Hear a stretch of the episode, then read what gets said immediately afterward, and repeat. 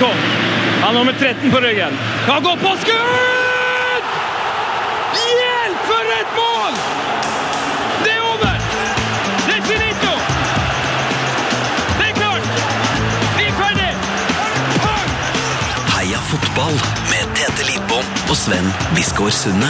Heia fotball! Heia fotball! Heia fotball! Ah, god fredag! God fredag, Sven. Skal vi bare ta det med en eneste gang? At vi At vi så Bruno Giroud i går.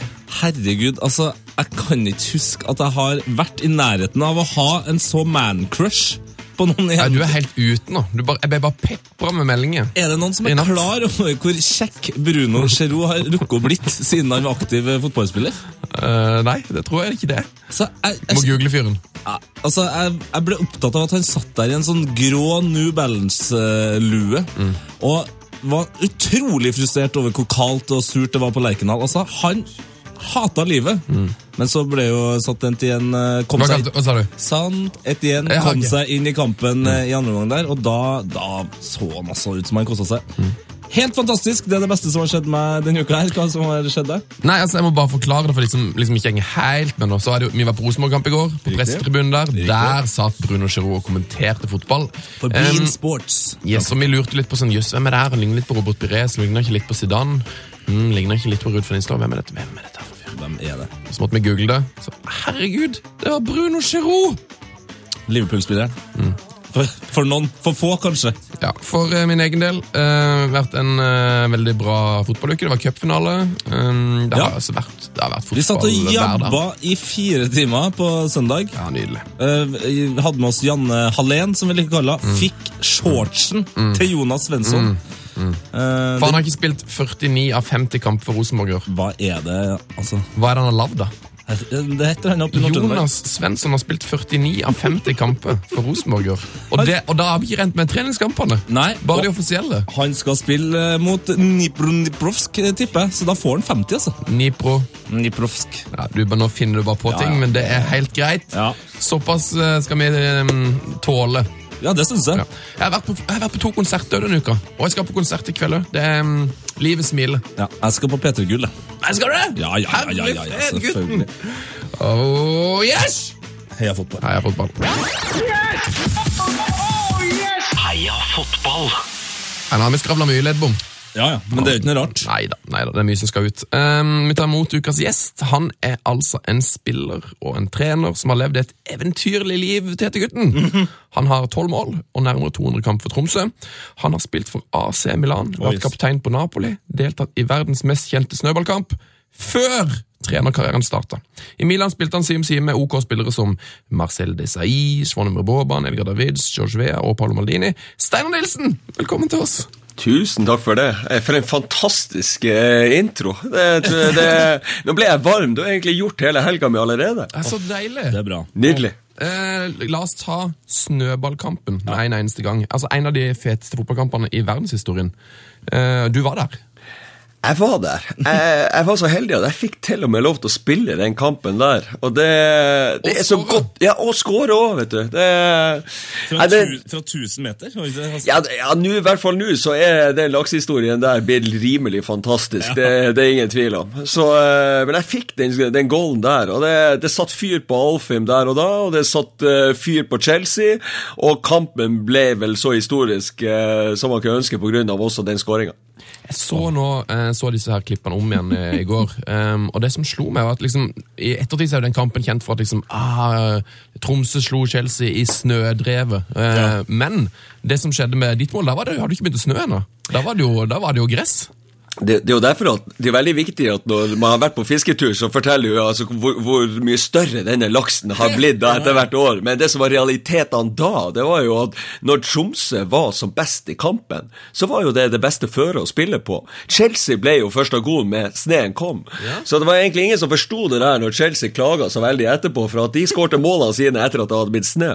Så eh, historien, den, den, den er veldig viktig at den forholder seg til fakta. Absolutt. Eh, Hva er fakta på hvor mye penger Chelsea brukte på um, sånn superundertøy i, i forkant av den kampen? Det går jo rykter om vi alle mer eller mindre snudde, opp ned på en klesbutikk nede der pga. at de ikke hadde nok ullundertøy, for å si det sånn. Så uh, det var ganske mange ut av de her, uh, prominente gjestene som vi fikk på besøk her i Tromsø, som var, var småkjølige på både hender og føtter, for å si det sånn. Så de, de måtte ha ull på seg, hele gjengen, og det tror jeg aldri de har hatt før. Og jeg tror ikke de hadde senere heller. Kanskje ikke, kanskje ikke den optimale oppladninga?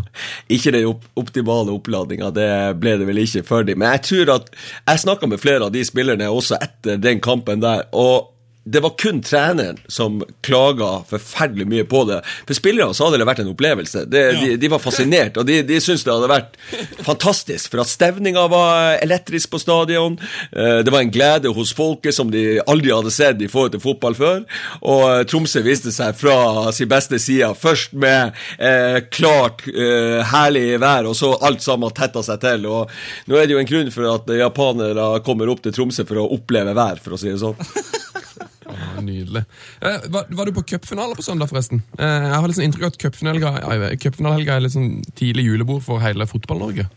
Jeg, jeg, si, jeg reiste faktisk fra Oslo når den uh, matchen starta. ja. Så, så jeg tok den hele på appen, på, uh, på NRK-appen, uh, for å si det sånn, til, på vei til flyplassen.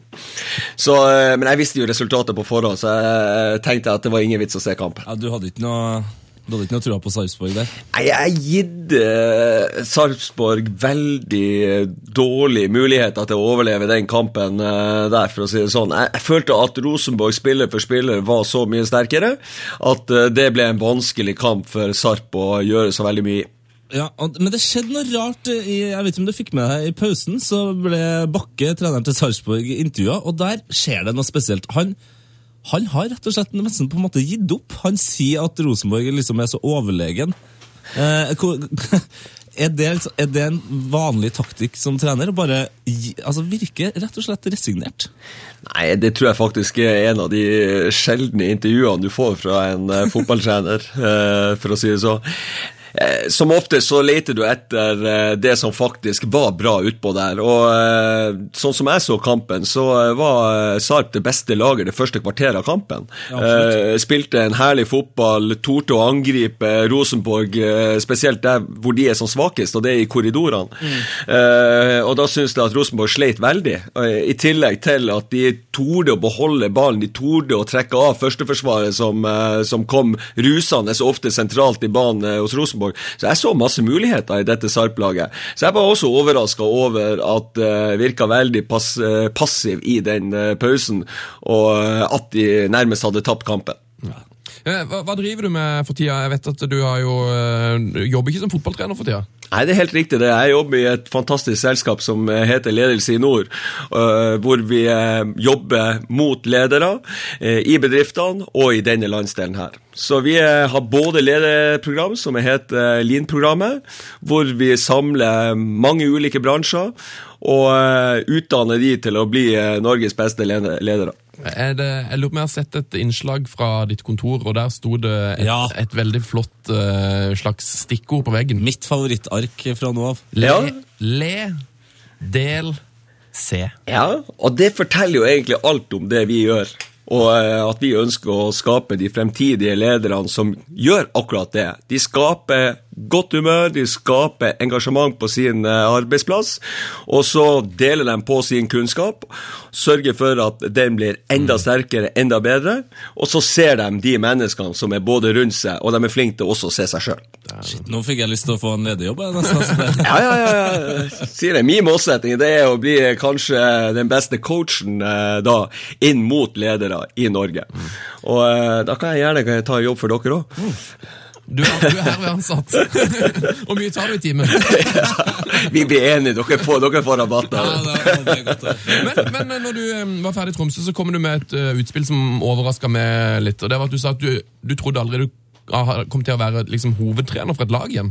Nei, det er, det er ganske riktig. Eh, jeg har vel kjent på, på det å stå veldig i denne stormen eh, som kom. Den kom som sagt ut eh, fra en klar blå himmel, og uh, den, den slo meg virkelig. altså det, det, Den likte jeg veldig dårlig, og det var tøft å oppleve det. Men det er også godt å gå videre i, uh, i livet sitt. Og jeg kjenner det å å lede lag og være hovedtrener eh, på heltid nå, det kjenner jeg noe som jeg har lagt litt til sida, og eh, har gått videre på andre gjøremål. Men så har jeg heller ikke sagt det at jeg kunne godt kanskje tenke meg å bli del av et eh, spennende team, Mm. eh, eller ha en administrativ eh, oppgave, eller ha en strategisk oppgave rundt fotballen. Så du er ikke, altså, du er ikke ferdig Ferdig med med fotball? fotball, Nei. Nei, det kjenner, jeg, det kjenner jeg absolutt ikke på. Jeg, jeg tror at den erfaringa og den kunnskapen som jeg har både som eh, spiller og leder, eh, er noe som jeg ønsker å dele. Og en av mine eh, kjæreste ting som jeg elsker å jobbe med innenfor fotballen, det er å utvikle unge, spennende spillere og trekke de gjennom nåløyet, så at de kan få lov til å oppleve bl.a. den samme drømmen som jeg hadde i Italia. Men, men vi, må, vi må snakke om eh, når du fikk sparken i Tromsø. Altså, jeg er glad i eh, humor, i mørk humor, jeg er glad i absurde eh, ting, men det, altså, det, det forløpet der er noe av det mest ra, altså det rareste jeg har skjedd på lenge. Altså, Ja. hva var det som skjedde, uh, egentlig? Ja, altså, Nå er jo til og med jeg hovedperson oppi det, og jeg, jeg, jeg sliter egentlig den dag i dag å svare på hva var det egentlig som skjedde. Mm. eh, for, for Tromsø, på den reisen som jeg har vært på For vi må skru tida litt tilbake til når jeg kom inn og, eh, og ble en del ut av dette. Så har det vært eh, en klubb som har vært på vei til å gå konkurs, eh, faktisk flere ganger eh, på, på, på den siste reisen som vi har vært på. Vi klarte det mesterlige med å klare å, å, å rykke opp på første forsøk i eh, 2014, og følte vi har gjort en fantastisk jobb for det. Bestemte oss å satse på nordnorske spennende gutter. Vi skulle holde identiteten vår, vi skulle beholde det vi skulle være, og ikke ta av, selv om vi skulle tilbake til Tippeligaen. Og da visste vi òg at det kom til å bli en knalltøff reise. Det kom til å bli utfordrende. Det kom til å bli eh, mørke skyer på himmelen, og vi kom til å tape fotballkampene. Men vi var også sikre på at vi ble å vinne noen. Og målsettinga var å kunne berge plassen i, eh, i Tippeligaen. Vi hadde en god dialog hele veien, jobba tett med styret. Det har vært tøft, det har vært vanskelig. eh, For det det er vanskelig å drive en fotballklubb mer eller mindre uten penger. Men vi sto sammen om det, og vi gjorde det som et, eh, som et skikkelig prosjekt. eh, Som skulle ende opp i at vi skulle være tippeligalag også i eh, 2016. Dessverre så, eh, så ville de ikke ha meg med da eh, midtveis, og eh, det måtte jeg bare ta konsekvensen av. Men det kom veldig overraskende på, det gjorde jeg. Ja, for sånn, Du ble sagt opp eh, Nå har jeg ikke helt koll på tidslinja her, men det, for meg så virket det som du nesten Du fikk vel omtrent vite at du hadde fått sparken Samtidig som oss? samtidig som oss. ja. Ja, det, det er vel helt riktig, det. Og det var vel derfor det kom så veldig overraskende på. For at det, det var ikke noe ikke prosess eh, som, som vi er vant til at det skal være, bl.a. i næringslivet. Ikke sant? Men, men eh, det, det var en kjip situasjon, men, men samtidig, for, i hvert fall for meg, så skjedde det noe eh, ganske fantastisk. Du hadde altså da pressekonferanse på din egen terrasse. Det sier vel egentlig også litt om hele situasjonen? Ja, men jeg tror det, det sier mye om kanskje den personen jeg er. Jeg, jeg, har ikke, jeg har ingenting å skjule. Jeg har aldri hatt noe å skjule. Verken når jeg var fotballspiller eller når jeg har vært trener. Jeg, jeg er åpen eh, om både det jeg gjør, og jeg har alltid hatt et veldig godt forhold til media. Eh, Så jeg syns det var helt naturlig å invitere de hjem til meg eh, og fortelle eh, Norges folk hva jeg sto oppi, og hvordan jeg følte det, og hvordan jeg hadde det. Jeg syns det var like greit at de fikk ta del i det, og at jeg fikk lov til å være meg sjøl, som jeg alltid har prøvd å være. Men, men du må bare forklare meg den, når du fikk sparken. Var, eh, ringte de deg rett før pressekonferanse, eller var det sånn at du faktisk første gang du hørte det, så var, så du det på TV? Nei, jeg, jeg fikk en telefon eh, hjem på eh, mandags ettermiddag. Det her er i midten av august. Eh, og eh, vi har akkurat spilt på Sandefjord på søndagen. Og på mandagen jeg hadde hele familien min til middag. Jeg, hadde jo fantastisk vær i Tromsø, det er ikke alltid det skjer. Og da tenker jeg på at eh, det var blå himmel og sola skinte og 20 grader. Så eh, hele familien satt ute på terrassen når telefonen eh, ringer fra et av styrets medlemmer i AS-et.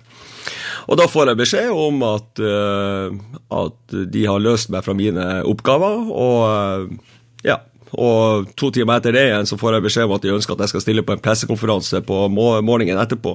Noe som jeg da takker nei til. Eh, jeg følte at våre veier var skilt, og, Jeg kan og holde min egen pressekonferanse. ja, jeg følte på en måte at det ville være det beste. Jeg var såpass overraska over det som, eh, som hadde blitt meddelt meg, at eh, fra det tidspunktet der så bestemte jeg meg for at da vil jeg gjøre ting på min måte.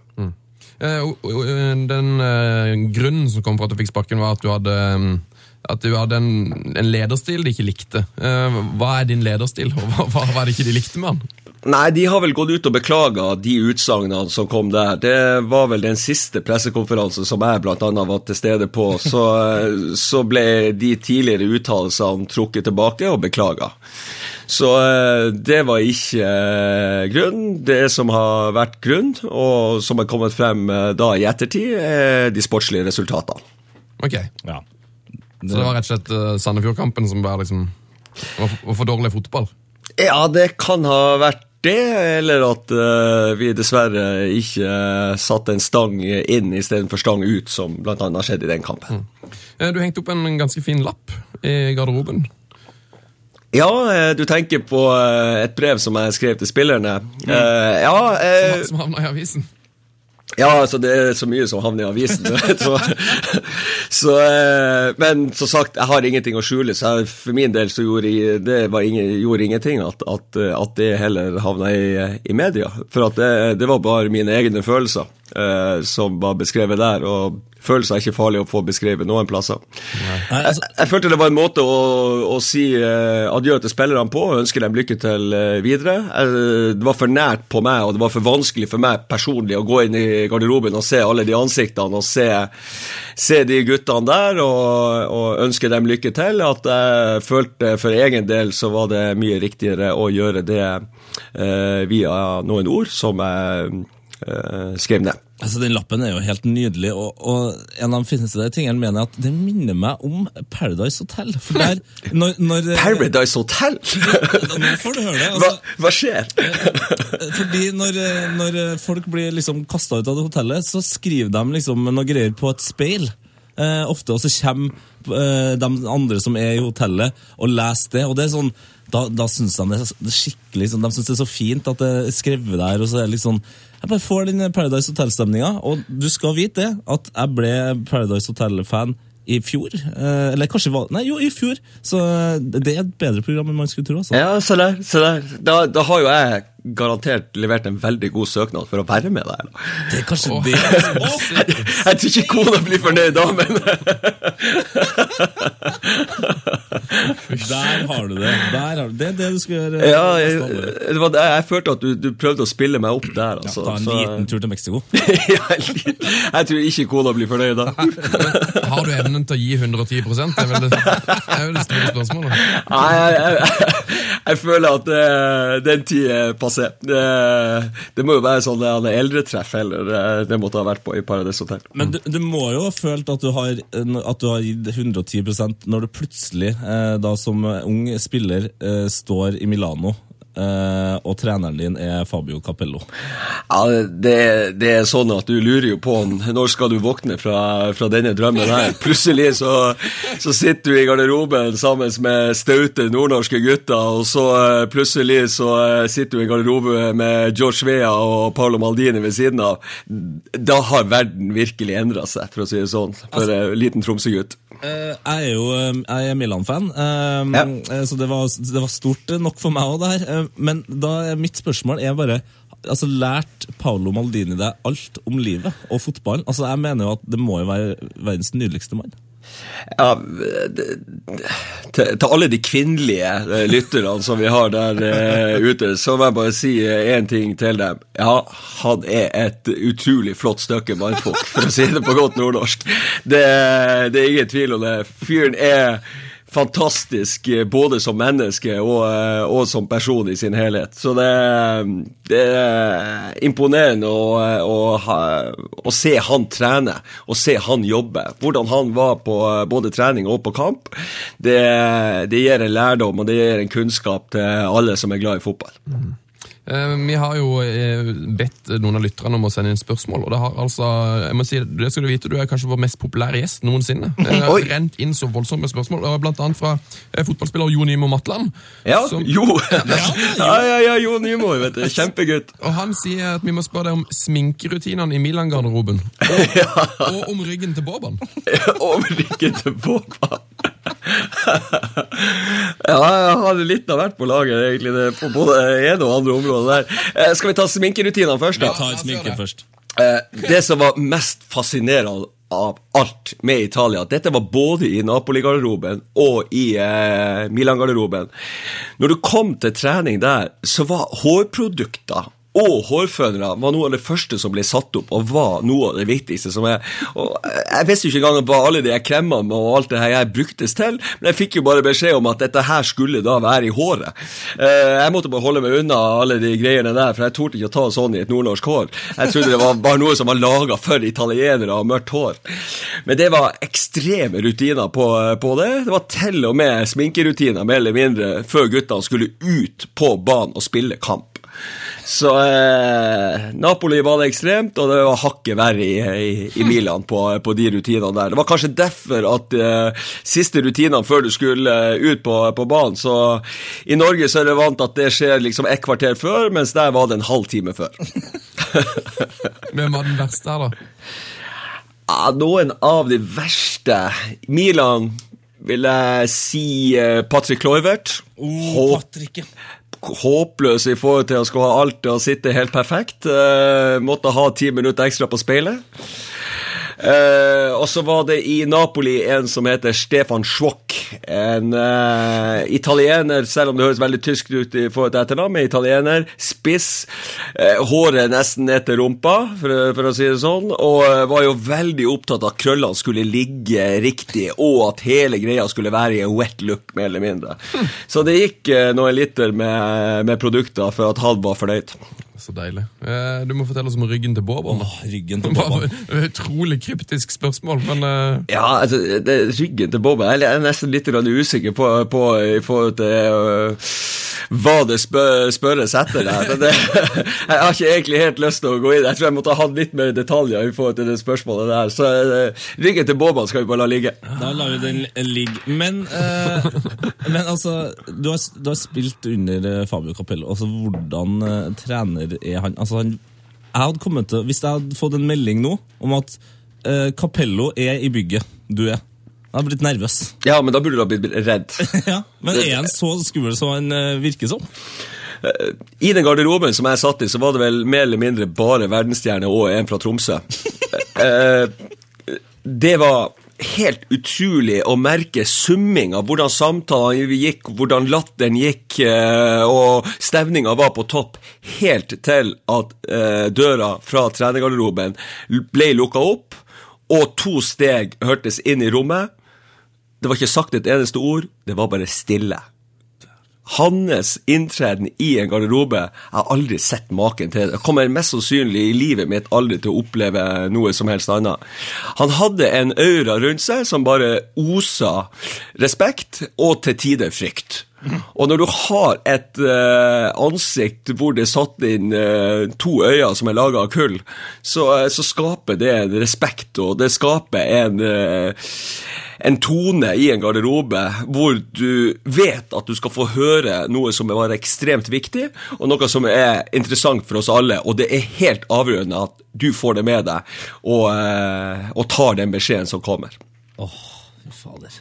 Du, du, du skåra jo et eh, relativt eh, greit mål eh, i eh, Inter, nei, mot Inter. Ja. Eh, apropos laks og størrelse. Det, Ja. ja, nå er vi oppe i 60 meter. Ja, nå. Vi er- Vi er på egen, vi er på egen banealder nå, altså. Egen banealder. Du bare Dundre det frisparket inn. Altså, det var, ta, for dem som ikke har sett målet, eller også den gode feiringa.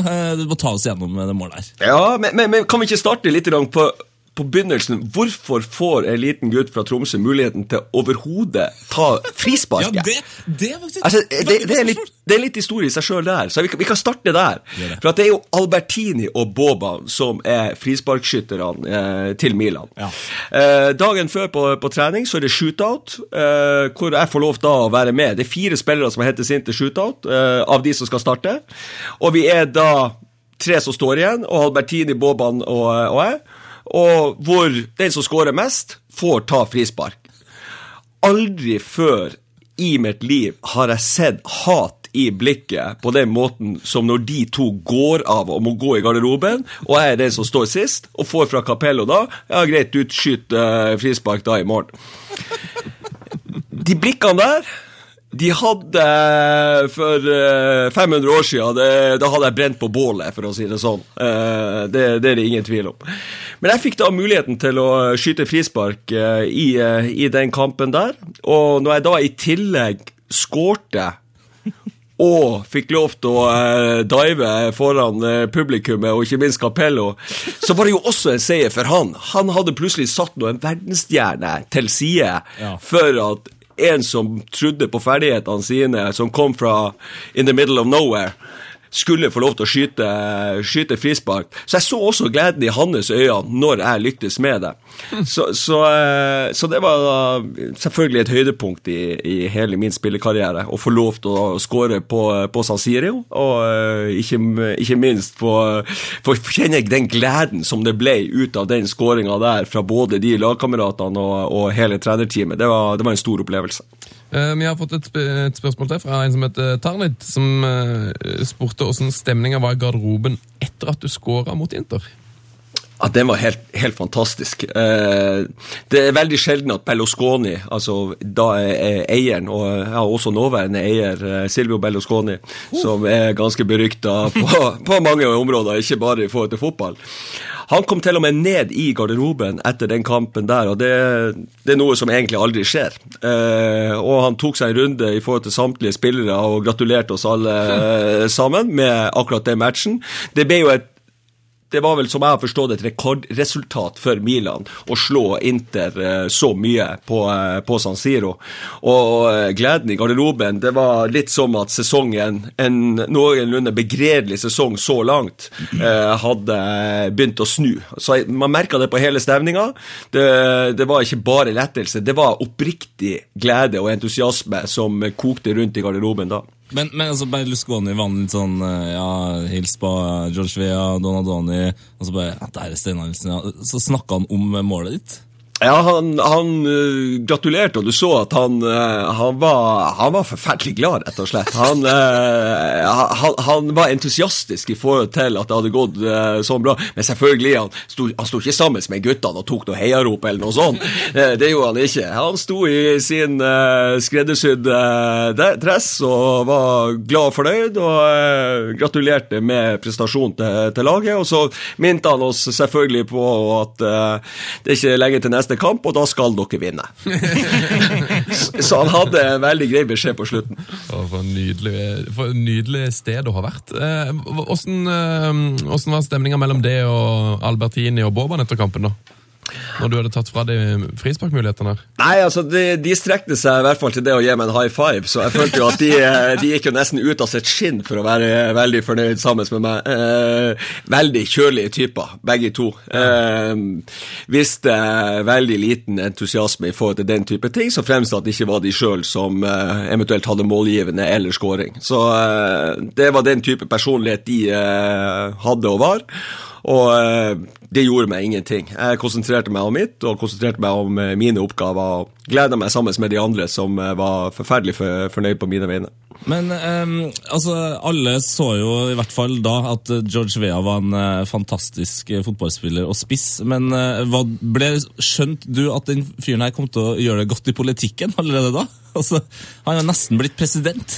Åh, jeg har en fantastisk story i forhold til Vea. Eh, jeg ble veldig god venn med han, rett og slett. Og eh, grunnen til det, det var eh, rett og slett Vi, vi fant tonen i, i garderoben.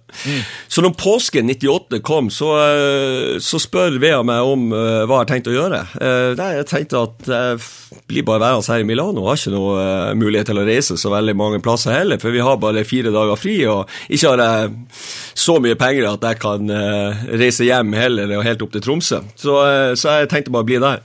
Da sier uh, Vea jeg skal til Paris. Jeg ønsker at du skal være med og være min gjest uh, i Paris. Jeg dekker alle kostnader, og så blir du med dit heller, så får du slappe litt av sammen med meg. Det er lagkamerat. Det er George Vea. Så da var det rett til Paris eh, og bodde på Mario hotell på Champs-Élysées. Eh, hadde suiten rett over George Vea, og hadde noen helt fantastiske dager sammen med, med han. Hva vi gjorde på de dagene og på kveldene, det får bare mine venner vite. Ja, det er hemmelig. men men eh, du, er, du var inne på det at, um, at Boban og, og Albertini var som kalde, kjipe folk. Men er sånn, når man kommer opp på det nivået der, så, så gode spillere, sånn verdensstjerner, er det litt sånn at det, det er så hard kniving og så mye, mye store ego at det liksom, det er mange litt sånn stygge folk, da? Ja, det er, det er i hvert fall, Du merker konkurransen, og du, du, du merker hvor mye det betyr å være i elveren. Det er ikke godt nok å bli tatt ut i troppen. Det er ikke godt nok å være bare i troppen og delta på seieren. Du må bidra, du må spille. På grunn av at det er det som også sørger for at du er med i landslagstroppene, og ikke minst at eh, både formkurve, formutvikling og eh, din egen inntekt, for å si det sånn, den fortsetter å gå riktig vei. Egen inntekt for oss å gå riktig. Ja, deilig. Den skal gå riktig vei. Eh, Du tok jo turen eh, til Napoli etter det her. Spilt over 50 kamper for Napoli. Ja. Uh, har du fortsatt, sånn, uh, har du fortsatt høy stjerne at du kan liksom dra til Roma, henge litt i Napoli og liksom være en del av laget? Eh, Nå, nå, må jeg fortelle enda en historie i, i, i forhold til akkurat, akkurat det. For at eh, Jeg var så heldig med at eh, vi var på cruise i, i, Middelhavet, og vi var innom Napoli i sommer. Eh, og da fikk jeg lov til å vise familien hvor jeg både hadde bodd og hvor jeg hadde vært. For jeg hadde med meg begge sønnene mine og kona mi. Og når vi kommer av skipet eh, da, eh, i Napoli havn, så går vi av og ser at det er veldig lang drosjekø der. Så jeg tenker jeg tar med meg familien opp i gata, for jeg vil ikke stå der i 40 grader og, og sola skulle steike. Så jeg går to gater opp, siden jeg er godt kjent der, så vet jeg hvor drosjen kommer fra og hvor vi skulle. Og vi skulle opp til, på Sillipo, og stopper bare da en, eh, en drosje der som eh, lurer på hvor vi skal, og så plutselig så begynner han å stirre på meg, og han vil ikke kjøre. Så eh, drosjesjåføren sier 'Hvem er du?' Så, så jeg prater da italiensk med han, og har jo litt napolitansk eh, dialekt også når jeg snakker min italiensk, da. Så, så roper han bare ut 'Nilsen! Si to! Si Nilsen!' Ja, så eh, Gutta mine bak de blir jo redde i setet, og kona mi og bare setter øynene hva er det som skjer her? Og da var det selvfølgelig en fra Napoli Ultras, eh, en av kjernesupporterne der, ut av de ivrige som står på San Paolo hele tida og synger sangene. Og eh, han hadde jo selvfølgelig tatovering og smykke på seg og bilder med seg sjøl og Maradona og hele greia. Og de husker sine spillere, de husker de som har vært der, de vet hvem de er. Og han slo selvfølgelig avtaksrometeret og kjørte oss rundt omkring der vi måtte ønske, og fikk se Napoli og fikk, eh, fikk sett eh, der hvor pappa hadde, hadde jobba og, eh, og vært for mange år siden. Så det var en kjempeopplevelse. Å, så deilig. Eh, fått et spørsmål til fra Fre eh, Freddy Dos Santos, faktisk. Oi, Eh, hvor hyggelig. Og, og han lurer på om du har noen Maradona-historier fra Napoli. Jeg har ikke så mange Maradona-historier egentlig fra Napoli, bortsett fra at eh, når du er spiller i, eh, i Napoli, og du beveger deg rundt omkring til, til restaurantene, og med drosjesjåfører spesielt, så er alle sammen bestevenn med Maradona. Alle sammen har eventuelt et bilde av han, hvor han har vært der og, og kommet inn, og så forteller alle da menneskene som, som du treffer på, historier om når Maradona var hos oss, og hvordan han var, og alle dere som spiller fotball nå, dere er drita dårlige pga. at Maradona er selvfølgelig ikke der, og alt var så mye bedre når Maradona var her. Så, så eh, du fikk hele tida den påminnelsen om at det var en en gudeskikkelse som hadde vært der og drev med noe helt annet enn det vi eh, gjorde. Og nå var han tross alt fantastisk der, og, og, og var en begavelse til, til, fotballen for både Italia som land, og selvfølgelig for, for Napoli. Så er det sånn, Og det er sånn der fortsatt, at det er en sånn Maradona-gal by i 2015, liksom? Absolutt. Er, han blir jo tilbedt også eh, som en sankt, sankt Maradona i, eh, i eh, Napoli. Så han har en aura rundt seg, og har, det er så mange historier rundt hva han både gjorde og hvem han var der. Så det, det, var mange ting som skjedde rundt han. På treningsanlegget så elska de han enda. Det var de samme kokkene som, som var der, og de samme vaktene som, som var der. Og Maradona han kom og gikk sånn som han ville. Mens de andre eh, lå lada til, til, kamp, så kunne Maradona uh, finne på at siden klokka var bare var 11 på kvelden, så tok han seg en tur ut av treningsanlegget og kanskje fant noen som han hadde lyst til å skulle være med tilbake til treningsanlegget. Og da kunne han finne på å vekke kokken og be han å lage mat til seg og ta et glass vin og sånn. Og selv om det var midnatt da, så brydde ikke han seg om det. Og Da kunne han gå og legge seg klokka to på natta og stå opp til, til kamp eh, dagen etterpå og skåre tre mål, og alle være fornøyd. det var liksom typisk sånn som kokken kunne, kunne fortelle eh, av historien. Å, så deilig. Eh, jeg har um, en, eh, en, kompis som har vært på ferie nylig i Napoli, og han sa at trafikken der var sånn han ble så, Du har hørt ting om at trafikken i Italia er mm. sinnssyk, men Uh, må nesten bare høre om det stemmer. For Han sa at uh, i, liksom, han hadde møtt en drosjesjåfør som sa at i Nord-Italia så brukte man liksom trafikklys til en viss grad. da. Det forholdt man seg litt til. Ja. Kommer du ned mot Roma, så blir det sånn uh, Hvis det er mye trafikk, så kan man kanskje forholde seg til, til trafikklys. Men så, så, hvis du kommer ned til Napoli, så er det bare julepynt. Det er bare, det er bare dekorasjoner i veien. Ja, Du lærer deg ganske fort hvordan ting fungerer i, i Napoli eh, i forhold til trafikk. Det er veldig, det er veldig greit. Det er en, klar regel der. Har du størst bil, så kjører du først. eh, eh, og så vet alle eh, mopedister, altså de som eh, kjører rundt på Vespa der, det er med livet som innsats, og det, dersom de klarer å overleve dagen, så har de vært flinke. Så eh, der er det veldig klart, og det er veldig greit å kjøre rundt omkring der. Så har du en liten bil, så bør du passe deg. Åssen bil kjørte du? Jeg hadde to forskjellige biler, egentlig. Jeg hadde en sånn liten Mitsubishi, eh, et eller annet, og så hadde jeg en BMW i tre uker før den ble stjålet. Nei! Ja da, det, når man er en lur Tromsø-gutt vet du, som uh, har lyst til å flotte seg litt med bil der nede, og fikk en god kamerat fra, uh, fra Oslo til å uh, kjøre den bilen Kjøpte den på Stenshagen i Oslo. Ja. Og fikk den ned og var så stolt som bare julinga. Hadde fått ny bil, kjøpt min første bil, og det her var en 325 IL limousin. Var det noen voldsomme greier der. Så, så jeg var veldig stolt over den bilen. var utrolig flott. Uh, kjørte den rundt der i uh, tre uker. Uh, og selvfølgelig passa på å låse den inn i garasjen, og at den sto trygt og godt.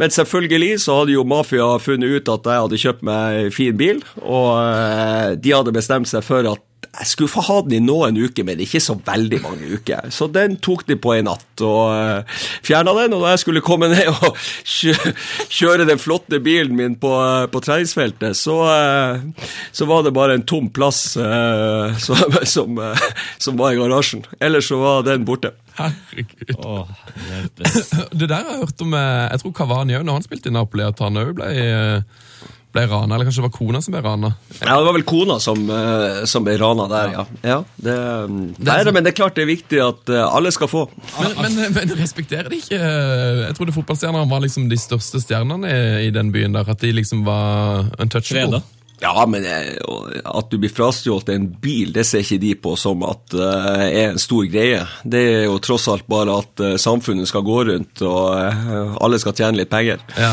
Så de ser på fotballspillere som noen som har ganske mye penger fra før av. Om de henter litt fra de, og så får du det tilbake på forsikringa, at det fungerer den den økokjeden der. For å si det sånn. opp, ja, ja. ja, det går liksom opp i opp. Det var ikke noe, det var kasta på skuldrene. Til og med politimannen som jeg rapporterte det hele til, han orka ikke engang å se opp fra papiret eh, som han satt og noterte på når jeg snakka. Han heva ikke engang på øyebrynene. Han, bare lurte- han bare lurte på om jeg hadde nøklene til, til bilen, og at den var stjålet, og at det hadde skjedd på det klokkeslettet. Og så sa han bare alt i orden, du blir aldri å se den bilen igjen, og så får du lykke til med å kjøpe deg en ny bil.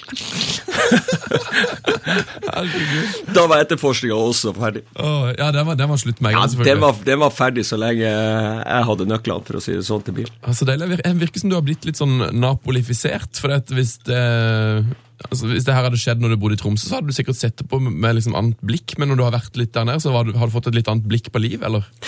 Ja, altså, jeg ble utrolig glad i Italia, og jeg ble Jeg er enda forelska i Napoli, for å si det sånn. Det var en herlig by å få lov til å være en del av. Og øh, de varme, flotte menneskene som bor der nede, som er så stolt over sin egen kultur, og er så stolt over hvem de er. Det fikk jeg lov til å ta del av, og uh, ble trykka inn til deres hjerte. Og eh, fikk lov til å spille fotball eh, for dem. Og det så jeg på som en stor ære, og jeg er veldig stolt av å få lov til å være en del av den historien. Eh, men du fikk ikke være en så stor del av landslaget. Nei! Hvorfor det, tror du? Nei, men eh, det er bare å se på alle de som var en sentral del av landslaget, hvem det var. Det er fantastiske fotballspillere, alle sammen. Og eh, tvert imot så er jeg veldig glad for at jeg var på landslaget og uh, ga det konkurranse. Og eh, fikk eh, bli kjent med både de spillerne og fikk bli kjent med, med trenerne, som jeg enda har kontakt en dag i dag med. Så, så jeg følte at eh, jeg bidro. Jeg bidro til konkurranse og var veldig fornøyd med det. Men på den tida så var det jo det var mye eh, nordmenn som spilte i utlandet. Var litt sånn eh, samme stemninga der som på eh, Milan-trening. At folk Altså det var veldig viktig å spille i den elveren, og at det var litt sånn mer konkurranse enn eh, vennskap. på en måte. Absolutt, og du, du var inne på det her tidligere. Vi har jo et cupfinaleseminar for alle trenerne, og eh, i Oslo så var du, jo eh, den cupfinalehelga. Og der eh, traff jeg flere av de og hadde en god samtale med Jan Åge Fjørtoft og Henning Berg. Og vi, vi snakka litt om det treningen, hvordan treningen var da. Intensiteten på treningen. De var av og til nesten tøffere enn kampen, eh, rett og slett. Det var ordentlig å smelle på, og, det tror jeg var for at Drillo ville at det skulle gå hardt for seg. På spilløkten da, så, eh, så var det beintøft, rett og slett.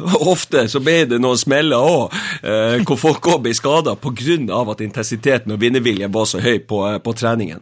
Og Det tror jeg var et av suksesskriteriene for å vinne fotballkamper. Lista lå høyt, og prestasjonene skulle alltid være på topp. Det ble ikke godtatt at et, et lag tapte på, på trening. Eh, og akkurat de små momentene der det er viktige parametere å ha på plass for eh, prestasjonskultur. Eh, tilbake til Italia-karrieren din. Var det sånn at den mer eller mindre slutta at du ble kvesta Ronaldo? Ja, jeg fikk meg jo en smell eh, i kampen der, for jeg hadde jo et kne som var litt skranglete når jeg, når jeg dro eh, dit, og jeg har jo vært igjennom en 12-13 operasjoner i knærne eh, i, i en av karrieren, og, og eh, jeg fikk en smell der, og det var vel den interne menisken eh, som gikk da. Den interne menisken. Ja, du har, eh, du har, du har to menisker, en er intern og den andre er ekstern. Så, eh, så indre og ytre, for å si det sånn. Så, eh, så den small av i, en, eh, i et spark som jeg fikk. Det var en ettersleng jeg fikk fra han, eh, som var litt, eh, litt ufin. Men eh, da ble jeg satt ut og var ute da i en måned. Og det som var synd da, det var at jeg hadde spilt meg til fast plass på laget. Og da fikk jeg selvfølgelig den, eh, den smellen der, og det var, det var veldig uheldig i, eh, i forhold til også min eh, karriere videre i, eh, i Milan. Selveste Ronaldo, altså. Ja, selveste han. Den, den, første, den første av de to store Ronaldoene. Ja, Åssen er du der? Er du, eh, er du sånn som irettesetter folk som sier Ronaldo om Cristiano Ronaldo? Nei. nei. For jeg, er veldig opptatt av å ikke leve i fortid, men å leve i fremtid. Så, så nå lever vi med nåtidas Ronaldo, som er verdens beste fotballspiller. Eller blant de. Og, og, en, og, og, da lever du òg med at du skal inn Ja, for det, det, ja, det jeg egentlig å spørre om i stad. Dette med at du har lagt trenerkarrieren på hylla. Eh, er det litt sånn som, som når Åge Hareide sa at han hadde lagt trenerkarrieren på hylla? Ja, hvem vet? hvem vet? Plutselig så kommer det et tilbud du ikke kan si nei til, og så er du liksom i gang igjen, og så eh, Så, så Så sitter du og har masse humor rundt det at du sa at du hadde lagt noe på hylla. Nei, vi, man kan jo aldri vite. Det er jo det som er så morsomt også med fotball og den bransjen der. Plutselig så kommer det inn mennesker som uh, tror veldig på den egenskapen og den kunnskapen som jeg besitter, og ønsker å, å få den med seg. Så eh, en kan aldri si aldri i forhold til veien videre. Det, det, det kan ikke jeg heller gjøre. Men uh, akkurat nå så føler jeg for at uh, det er mange andre spennende ting som jeg har lyst til å være en del av. Å, Jeg ser- for meg et eh, helt fantastisk scenario her nå. Uh. Åge, Åge drar til, til Danmark. Eh, Sverige elsker italiensk fotball. Malmö eh, spiller i eh, lyseblå drakter. Ringer Steinar Nilsen. Vil du ta over? Takker du ja? Oi. Det, det er, må du ha sånne vanskelige spørsmål? Enten er de vanskelige, eller så er de rare. Ja, det- Ryggen til Båban. Ja, ikke sant? Ryggen til Båban, den er vanskelig. Nei, det, det er noe med det der. Det er klart at jeg tror alle mennesker trigges av utfordringer. Kommer utfordringer til deg, og du, du kjenner på en plan og, og en idé og en strategiplan som virker veldig interessant, det er klart at da kan det være at du, du hopper på det. Men akkurat der jeg sitter nå, og når jeg snakker med dere, så er det ingen fotballtilbud som jeg tror kan, kan, eh, kan lokke meg vekk fra Tromsø akkurat nå. Har du fått noen tilbud etter du ga deg Tromsø? Ja, det har jeg. Ja, Da er det bare å åpne opp låvedøra her. Hvilke klubber er vi snakker om? Nei, altså det, det, det er akkurat det samme som jeg sa til, til, til de når de ringte, at uh, takker veldig for det, men akkurat nå så passer, passer det ikke. Og uh, da er, har man alltid gentleman agreements at sånne ting det snakker man ikke utad uh, om. Og det er respekt for alle parter. Ja. Synd for oss. men- Synd for dere. og Jeg har hatt så mange fine historier nå, jeg har vært så ærlig med dere at det må, noe må jeg holde, holde til egen bok. Må ha noen hemmeligheter. Men du må fortelle oss eh, ærligheten om hvordan det var å være trener i Brann. Ja, det var en artig erfaring, eh, for å si det sånn. Det, å være trener i Brann, så føler du på en måte at du nesten trener også kanskje for et landslag i Norge. Eh, Bergen er helt fantastisk. Eh, menneskene der er ikke så veldig fotballinteressert, men de er veldig branninteressert. De bryr seg ikke helt hvordan du har tenkt å spille, bare du har tenkt å vinne den kampen. De bryr seg heller ikke så veldig mye hvordan rammebetingelser og den type ting er, og hvem som skal selges, eller hvem som skal komme til. til og de bryr seg om én ting, at det er fullsatt på stadion. Uh, at du mener veldig mye om så mangt i Bergen, og ikke minst at du har tenkt å vinne hver eneste søndag. Det er, og da er du du, må egentlig mene ting om det som foregår i Bergen. Ja. Altså, er det liksom, når du er fotballtrener i Bergen, så er du mer, altså, en mer sånn offentlig, både sportslig og politisk person. Altså, det, er liksom, det er så viktig at pers altså, treneren er noe mer enn bare fotballtrener da, i Bergen. Ja, altså Du blir litt som en mannlig utgave av Trude Drevland, for å si det sånn. Du, du skal mene noe om det meste. Du får de utroligste spørsmål, og som du skal ta stilling til, og øh, hvor du øh, også må by på deg sjøl. men så er det jo selvfølgelig ja, det er jo fotball i høysetet, og det er jo du skal skape alltid en vinnerkultur. Men det er ingen i Bergen som har tid til å vente på at en ny kultur skal sette seg. Eh, de snakker bare om å vinne, men det er ikke alle som vet helt hvordan du skal få det til. Det slår meg nå, når du sier Trude Drevland, eh, at det er nesten som et landslag. Eh, at det er litt annerledes. Du skal liksom, det skal være litt ekstra passion. Mm. Bergen og Napoli det er jo egentlig den samme byen her. Ja. hvert sitt land. Det er litt eh, Det er kystfolk, det er varme mennesker, det er impulsive mennesker, rause mennesker, og, som både liker å snakke og, eh, og lage leven og liv. Så akkurat der er det veldig mye likhetstrekk, det er det ingen tvil om. Og så er de forferdelig stolt av sine byer. Så eh, de vil prate om det, de vil dele den kulturen. Og de vil ikke minst eh, lykkes på fotballbanen. Så eh, det er mange likhetstrekk, ja. Men er det en bra måte å drive fotballklubb på? I Bergen Ja, det, det, Vi hadde Rune Skarslo her for uh, i fjor en gang, og han var vel egentlig ganske kritisk til liksom Eller han sa at på en måte, det, er ikke, det er ikke mulig å, å lykkes der, akkurat sånn som situasjonen er nå. Det De gikk jo ikke til slutt så bra for det heller. Liksom, Føler du at det er en vanskeligere klubb å være trener i enn enn veldig mange andre? Det er en utfordrende klubb å være trener i, for media har en så veldig sterk også rolle inn i klubben, og eh, har veldig mye som de skulle ha sagt, og det har vi jo eh, fått eh, behyrlig beskrevet de siste tiåret, for å si det sånn. Nei, men jeg tror at det er, det er der som alle andre plasser. Resultater er med på å bygge trenere eller felle trenere. Så eh, Det er resultatene som er viktige, og så må du ha investeringskapital for å kunne i- imøtekomme de tøffe kravene som settes til resultat i, i Bergen. Investeringskapital, det, hva betyr det? det? Det er et ord som går over hodet på meg. Nei, Det er rett og slett midler for å bygge laget i forhold til den kvaliteten som folk eh, ønsker. Og de ønsker å se de beste fotballspillere i, i landet skal spille rødt. Og da må du ha midler til å eh, kunne både få det inn, og så må det være en og annen spiller også fra Hordaland som er, som er inne i den troppen der. Oh. Um, skal vi lure på om vi skal ta gå til en uh, fast spalte? Er du klar for det, Tete? Å oh, ja da. Heia fotball! Dæven, altså. Yes. Nei, nå har vi det fint, gutter. Ja. Veldig hyggelig. Eh, du, ehm, nå vet jeg faktisk ikke om du har det med deg, men vi, vi pleier å utfordre ehm, gjestene våre på å ta med seg et drømmelag. Oi, drømmelag, Ja.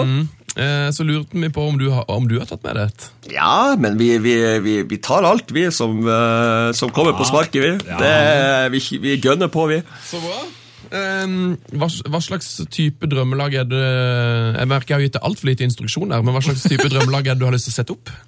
Jeg har lyst til å sette opp et, eh, et drømmelag som eh, går litt sånn Litt nordnorsk inspirert og veldig milanisert. Ja, jeg, jeg, jeg ble nesten litt redd når du sa no nordnorskifisert. Jeg var sånn, Skal du ha drømmelag uten Maldini her nå? Ja, ikke sant? Nei, vi, vi, vi er nødt til å Vi må holde oss til noen av verdens beste fotballspillere gjennom tidene også. Det, det, det syns jeg. Man har vært så heldig å få lov til å spille sammen med dem, så må de være på mitt drømmelag. Det sier seg sjøl. Eh, da starter vi bare i mål, da, eller?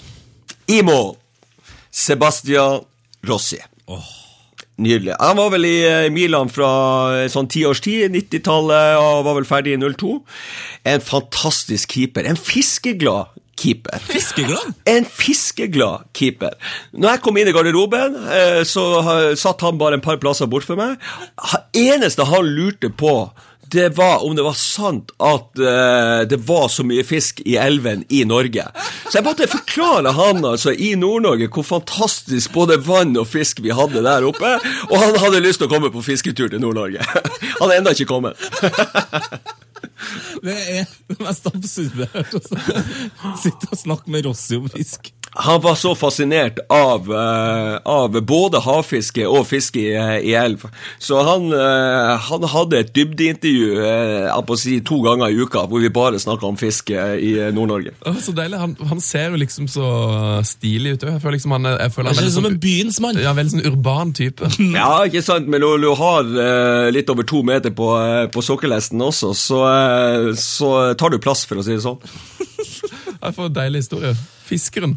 Ja, Fiske. Fisken Rossi. Fisken Rossi i mål, altså. Eh, Høyreback, da, kanskje? Ja, for å, jeg, jeg må jo gi plass til meg sjøl. Det, det føler jeg jo er, er riktig. På drømmelaget så kan ikke jeg være trener, for, for jeg må være spiller. Eh, og det er jo fra spillekarrieren dette. Så jeg har rett og slett sittet en uh, Tromsø-gutt på høyreback, og det er undertegnet der. Ja, det er nydelig. Ja, det er nydelig. Jeg har hørt mye gode historier om han eh, siste timen. Ja, ikke sant? Eh, morsom type. morsom type. Hva, hva var Steinar Nilsens eh, styrke som fotballspiller?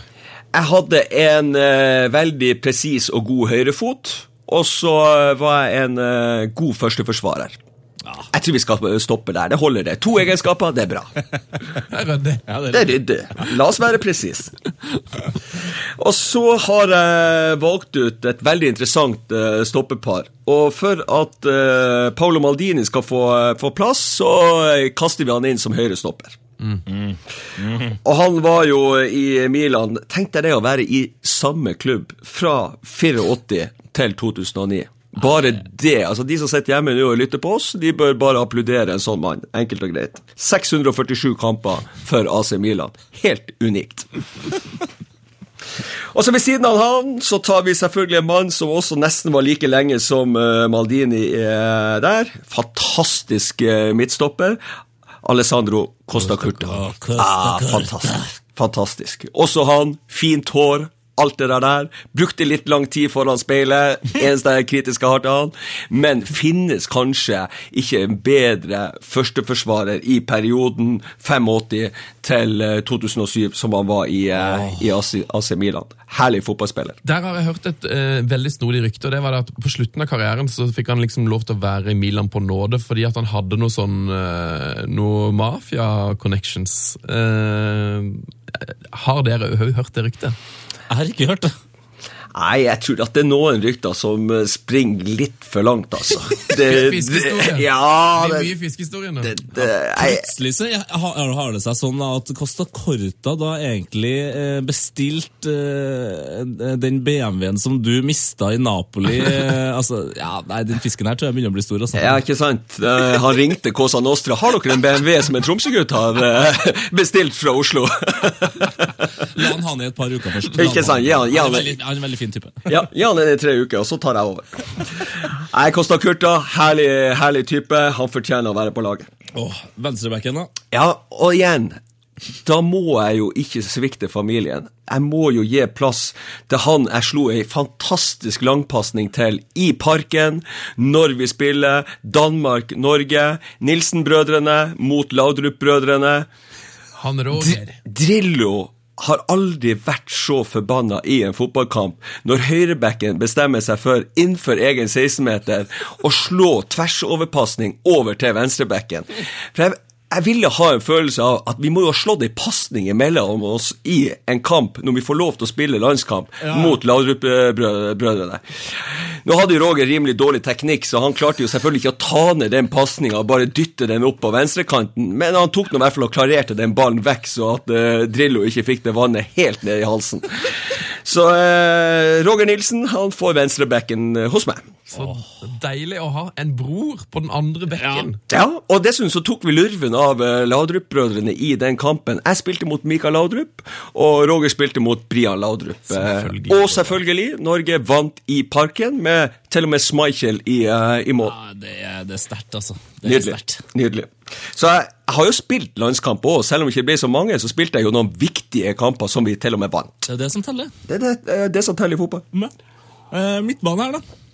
Jeg har satt laget opp i en 4-4-2-formasjon, og jeg har sittet Leonardo oh. til venstre. fy fader. Fantastisk. Fantastisk fotballspiller, rett og slett. Det er en sånn spiller som jeg tror, hvis du er ung så, og liksom oppi alle de eh, sinnssyke brasilianerne eh, som har vært oppi igjen, så kanskje at han forsvinner litt. Ja, og det, er- det tror jeg nok er også ganske, ganske riktig, på, på grunn av at det var så veldig mange gode fotballspillere som var der. Men her var det en assistspiller, en spiller som kunne avslutte. Han kunne spille i ulike posisjoner, enorme dribleferdigheter, og ikke minst en motor, som vi liker å kalle det på fotballspråket, som gikk på eh, turbodrive hele tida gjennom en kamp. Herlig fotballspiller. Nok en fyr med bra hår òg, forresten. Bra hår. Det er alt det der, det funka. Bare plukka ut spillere med bra hår. altså, skal vi bevege oss sentralt i banen. Eh, to eh, mye omtalte spillere som, eh, som jeg ikke var så, eh, så veldig glad i i forhold til personer. Men herregud, for noen fotballspillere, da. Til å balansere det hele, Demetrio Albertini. Det sier seg nesten sjøl. Du har spilt i AC Milan fra 88 til 2002. Eh, dirigenten på det italienske landslaget var den som slo og åpna opp både et forsvar og hele tida dirigerte spillet med sin klokskap og sine ferdigheter. Det sier seg sjøl. Han liksom, han var på en måte Pirlo før Pirlo. Det er helt riktig. Det var et veldig veldig godt bilde på det. Og vi alle sammen som kjenner Pirlo eh, godt eh, Albertini hadde mye av det samme. Oh, ja. Og så må vi jo ta den her kroaten. Litt crazy kroaten som hadde et sjølbilde like eh, stort som en eh, enhver Cosa Nostra-leder. Svonimir Boban. Han, han må vi nesten ha plass til, på grunn av med skåringsferdighetene sine, og selvfølgelig med assistferdighetene sine. Frisparkfot som var nesten like god som Tromsø-gutten sin. Eh, så, så gir vi plass til han også, siden han var der fra 91 til 2002.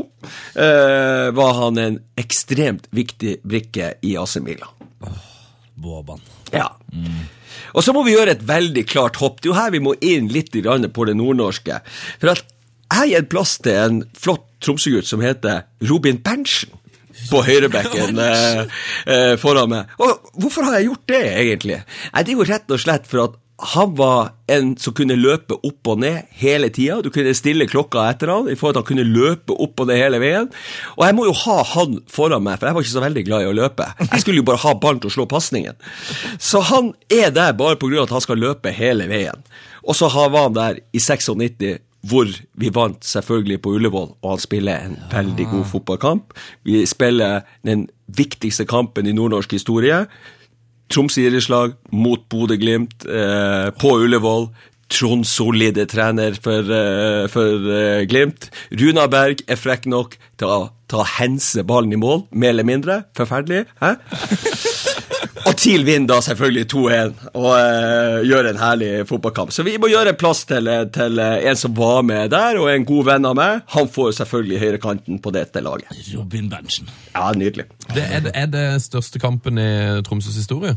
Ja, eh, ok, hvis vi, vi, vi kan jo si litt bort eh, Chelsea og mm, sånne type kamper, men som en avgjørende match, Ja. hvor du egentlig bare har den kampen der å gjøre det på, og du vet at det her, det her følger hele landet med på, og ikke minst, her skal det avgjøres hvem som alltid kommer til å være kongen av Nord-Norge. Da sier det seg sjøl, den kampen måtte bare vinnes fra Tromsø. Åh, det er fint. Det er, fint. Det er et godt drømmelag eh, så langt. Ja, det, det, det er ikke så verst. Eh, men vi, vi må jo putte inn noe på topp her eh, også. Så Det er noen navn her som ikke kommer til å få plass, eh, merker jeg. Ja. Nei, det, det, det, det er dessverre en del navn her som, som, eh, som blir litt borte. Og, og, og noen burde jeg nok kanskje ha tatt med. Men selvfølgelig, han som ble kåra til Europas beste fotballspiller i var vel i 94-95 eller 96 noe sånt, George Vea. Han må vi ha på topp. Selvfølgelig også for at han er klok nok og blir glad i folk fra Tromsø og inviterer dem med på ferie. Så fortjener han å være på mitt drømmelag. Det, det gjør han. Altså her, Det er en mann som tok eh, en ball fra en corner eh, eh, på sin egen banehalvdel. Eh, Dribla et par stykker i sin egen 16-meter, for så bare fossere eh, over eh, til andre sida og bare chippen forbi keeper. Og det er jo det de sier også om George Vean, og han var på sitt. Det, var- det var en sprinter som spilte fotball. Fantastisk. Tenk å ha en sånn beskrivelse med deg, da. Hvordan, hvordan tror du de renker han i, i Milano eh, i forhold til f.eks. van Basten? da? Helt der oppe. Han hadde en bra standing, men selvfølgelig, altså eh, Van Basten i eh, Milan er litt som Maradona i Napoli. Mm. Det er litt untouchable. Det er, det er crème de la crème. Og hadde noen skåringer for, eh, for Milan som uh, går gjetord om enda. Ja, det er fint. Ja, det er lekkert. Og så hadde jeg på den siste plassen Man har jo bare lov til å ta ut elleve spillere, dessverre. Eh, på den siste plassen, veldig tøff konkurranse mellom to meget gode eh, spisser.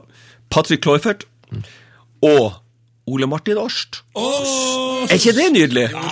Inn med oss! Ja, selvfølgelig må vi ha Årst. ja, ja, ja, ja, Så, ja. så Kloifert, dessverre, godt forsøk, bra karriere, men Årsten, han smadra deg på oppløpssida. Eh, og hva, hvorfor smadra, smadra han? Selvfølgelig, når Ole Martin bestemmer seg, krummer ryggen, nå skal jeg jakte den eh, Tommy Berntsen som kommer med, med ballen opp og tror at han skal være bare gå av en spiss, slå pasning til høyre. Hvem andre enn Ole Martin Årst takler han ut av banen da?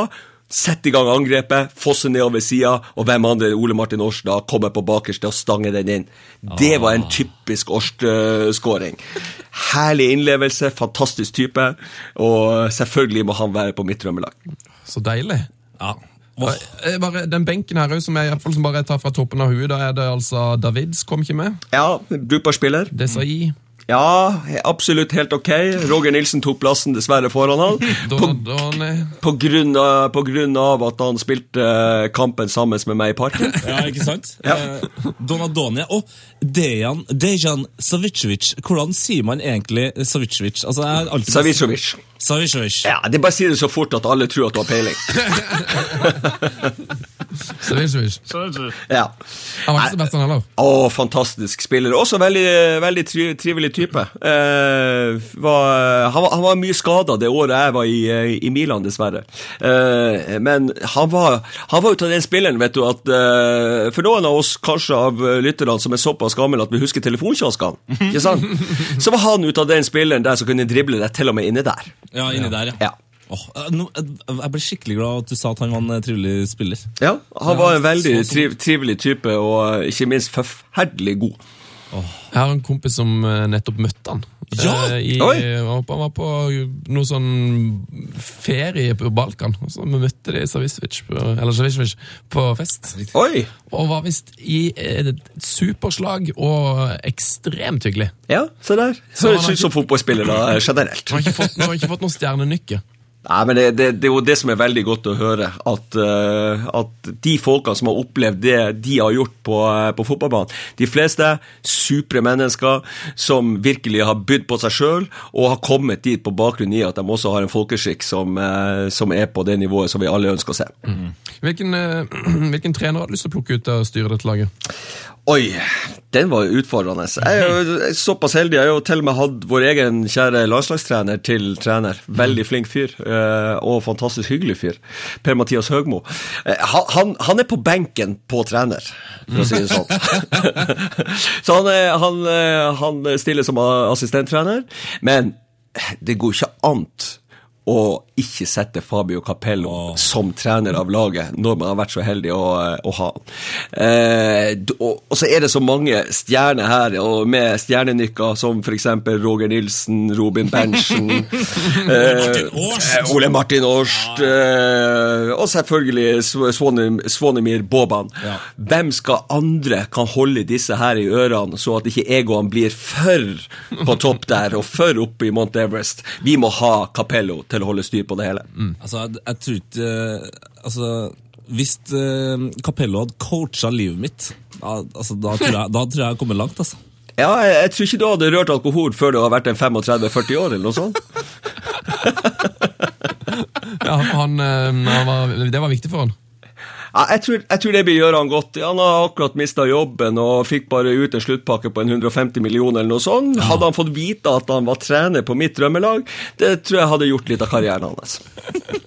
Skal ringe han etterpå. Ja. Slå på tråden. Ja, hvem er det du har best kontakt med fra, fra Italia-tida den dag, da?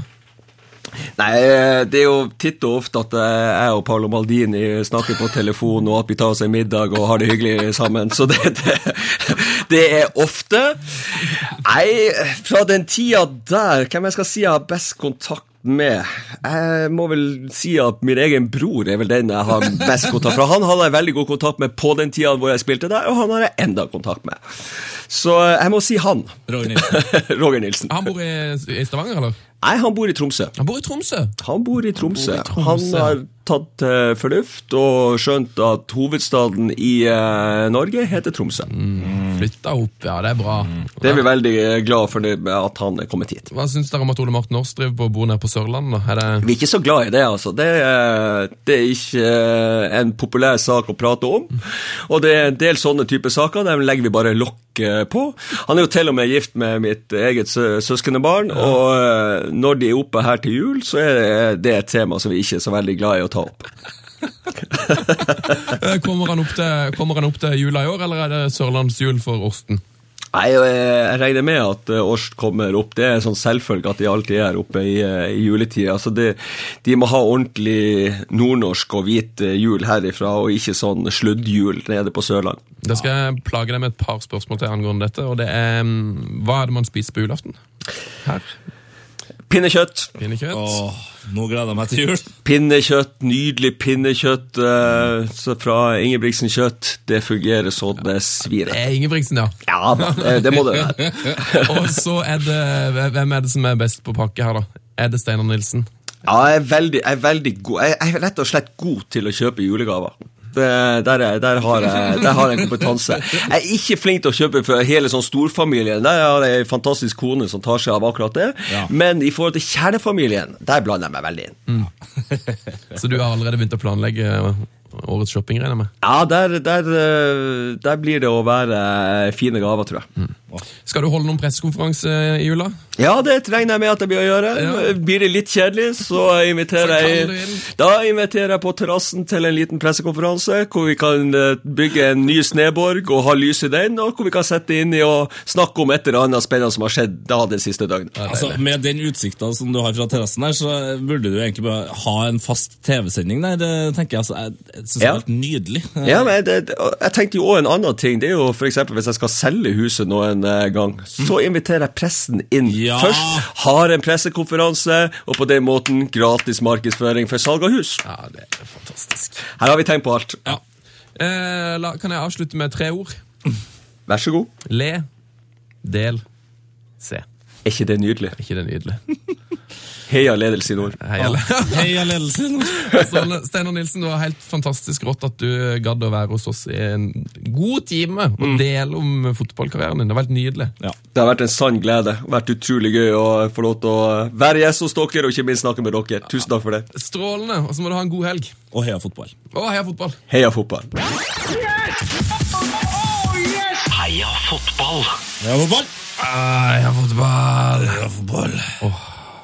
Steinar Nilsen. Steinar Nilsen. For en um, Jeg merka at uh, i dag var en litt sånn dag hvor jeg um, Det er så vilt, det han forteller, at jeg falt litt sånn Jeg falt bare litt sånn sammen. Bare sånn, Herregud. Jeg, vet, jeg, jeg visste ikke hva jeg skulle si.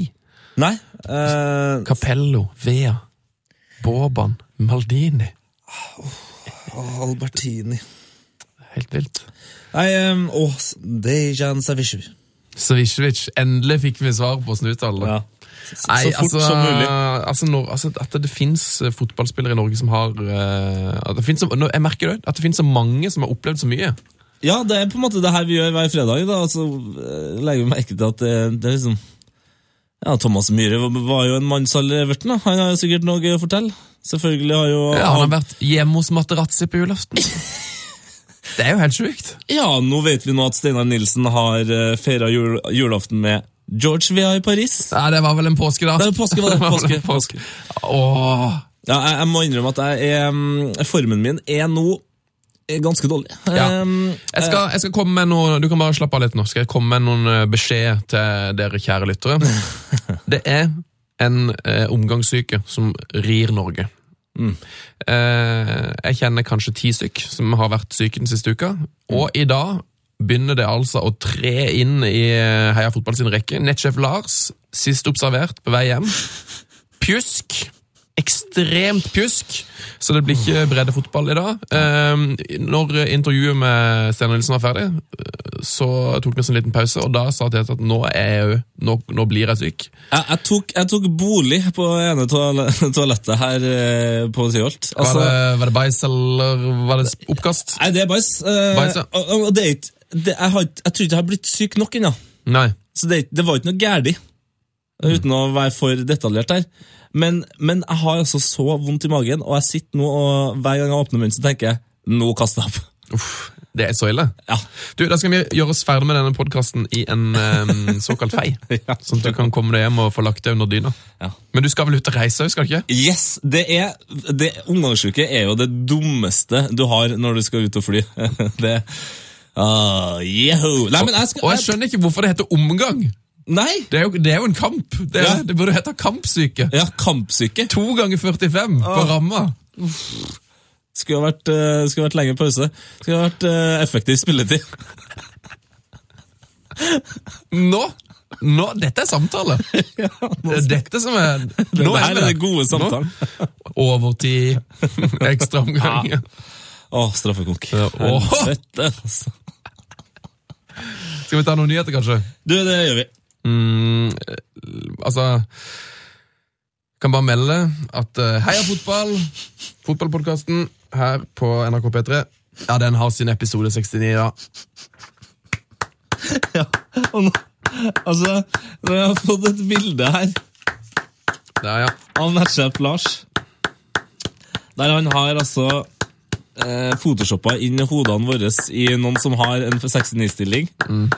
Det er et fryktelig bilde. Jeg kan, Fryktelig bilde. jeg kan ikke annet enn å beklage, Sven, med tanke på at jeg nå har omgangsuke. Så er det her den absolutt verste stillinga. Og dette bildet er såpass det er såpass uh, ufint at vi skal ikke legge det ut på Instagram vi skal ikke legge det ut på Twitter, men jeg tror kanskje vi skal legge det ut med en sånn ettsekunds en ettsekunds-snap på Snapchat-kontoen vår. Ja. Så, kan- ikke vi legge det ut på Instagram? Jeg tror ikke vi kan gjøre det, altså. Det tror jeg ikke. Jeg skal ha besøk av mamma det i helga.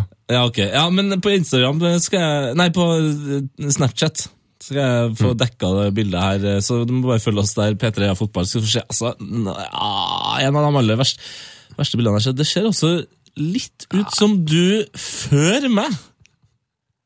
Ser du? Før meg? Hva betyr det? At du uh, You give birth to me. Å ja, føde deg, ja. Før deg. Ja. Ja, ja, ja. ja. Og du er fornøyd med å komme ut i livet? Å, ja, ja. Oh, ja. Jeg er glad i livet. Jeg blir spent. Ja. Um, du kan jo altså, følge oss på Snapchat hvis du vil få med deg dette. P3 er fotballet med der. Også, altså, når du er i gang på internett, Mm. stikk inn Stikk inn og kommenter podkasten, eller På iTunes, ja. følg oss, i, følg oss på Facebook. Følg oss i. Følg oss i Facebook. Følg oss i Facebook. Hvor god Neymar nå, Tete? Nei, det er ikke lyden av meg som kaster opp. Det er lyden av meg som Altså, Nå er han der min favorittspiller eh, all time er, var en gang, mm. over ganske lang tid. Han er i Ronaldinho-form. Nå er fotball for Neymar Like. bare spas og moro. Altså, det nedtaket for det jeg tror er 3-0-målet for Barcelona ah, Og det er liksom andre gangen han gjør det der nå, på to uker. Bare på kødd. Bare for moro. Det er sjukt. Eh, og jeg så en eh, video i stad, eh, som du kan se hvis du, hvis du følger oss på Twitter. Så kan du se vi har gitt en retweet der, og det er no, noe av det fineste jeg har sett. Nemlig en video som eh, dukka opp på internett nå, hvor du kan se en deilig video av Messi sin debut for Barcelona B. Og det er liksom, det er samme måten å spille fotball på som Neymar driver på med på det aller høyeste nivå. Det er sånn, Ja. det er bare, det er bare kødd. Ja. Han bare kødder. Ja. Køddespillet. Ja. Så sjekk ut det. Eh, eh, fotballhelga kan by på følgende meny. Bayern München herter Berlin i morgen. Ja, det er ryddig. Halv fire. Barcelona Real Sociedad for de som ønsker det klokka fire. Åh, Barcelona mot Mois! Nei, Moyes er, vel, Moyes er vel så ferdig som få blitt der. Men det- restene etter det var- Det var humoren min der, da. Det var humoren min der. Nei, det var det, ja. Da beklager jeg det. Stakkars Mois. Manchester City mot Southampton. Åssen går det? Den kampen? Mm. Nei, nå er det City har tapt stor kamp, da vinner de eh, Masse. stort igjen. Ja, det, det, her, sånn, det her er vi blitt vant til nå, med City. Skal jeg shippe inn eh, noen spillere på fantasy-laget mitt eh, fra City, eller? Nei. Nei. Jeg har det Braun. Skal jeg kvitte meg med den? Det er det jeg skal gjøre, i hvert fall. Mm. Selv om jeg Ja, jeg, nå motsier jeg jo meg sjøl litt, grann her, selvfølgelig, med tanke på, på at jeg tror de slår Southampton. Men, eh, men The Brown han har kosta meg for mye poeng nå. Mm. Og han koster så mye Penger. Peng! Ja. Eh, så nei. Det er store oppgjør i eh, England. òg. Leicester Manchester United. Oi, oi, oi! Topp mot topp. Topp mot topp. Toppoppgjør. Det er ikke mange som hadde sett den komme for to måneder siden. Nei. Og jeg, jeg har lagt merke til at det er veldig mange som er sånn Ja, men nå, nå taper Leicester. Er. Nå, nå skjer det, liksom. Ja. Nå, de skal ha en del tøffe kamper og sånn. Men jeg tror faktisk ikke det her er kampen de nødvendigvis taper. Nei. Eh, Det må jeg ærlig innrømme. at Jeg tror eh, Jeg har større tro på Leicester enn eh, United i denne kampen her. Men det lukter eh, 2-2 lang vei. Mm, altså, hvis, hvis United bare gjør sånn som de gjorde mot Watford, så får en heldig 2-1 her. Ja, men det er bare at Leicester er litt bedre til å skåre mål, så det blir 2-2. Ja. Milan Sampdoria òg på lørdag kveld. Å, det er en av de finere kampene. Det er en av de finere kampene. Så gratulerer med start. De holdt seg i Tippeligaen. Uh, røff dag for Jervs Espen Knutsen, som hadde eksamen og eh, ikke rykka opp på en samme dag. Og ikke bare det, han er den eneste toppspilleren jeg har sett de siste ti årene som spilte med tape på skoa. Det er sant. Han hadde eksamen i dagen, og tydeligvis eh, og hull i skoa, det må være Det er tungt. Nei, det er tungt altså. Skal vi ta en, eh, en, en liten runde med post og brev, kanskje? Post og brev Post og brev post og brev post og brev Post og brev vi har fått post fra deg. Å, herregud, nå er jeg nære, altså. Nå er jeg nære.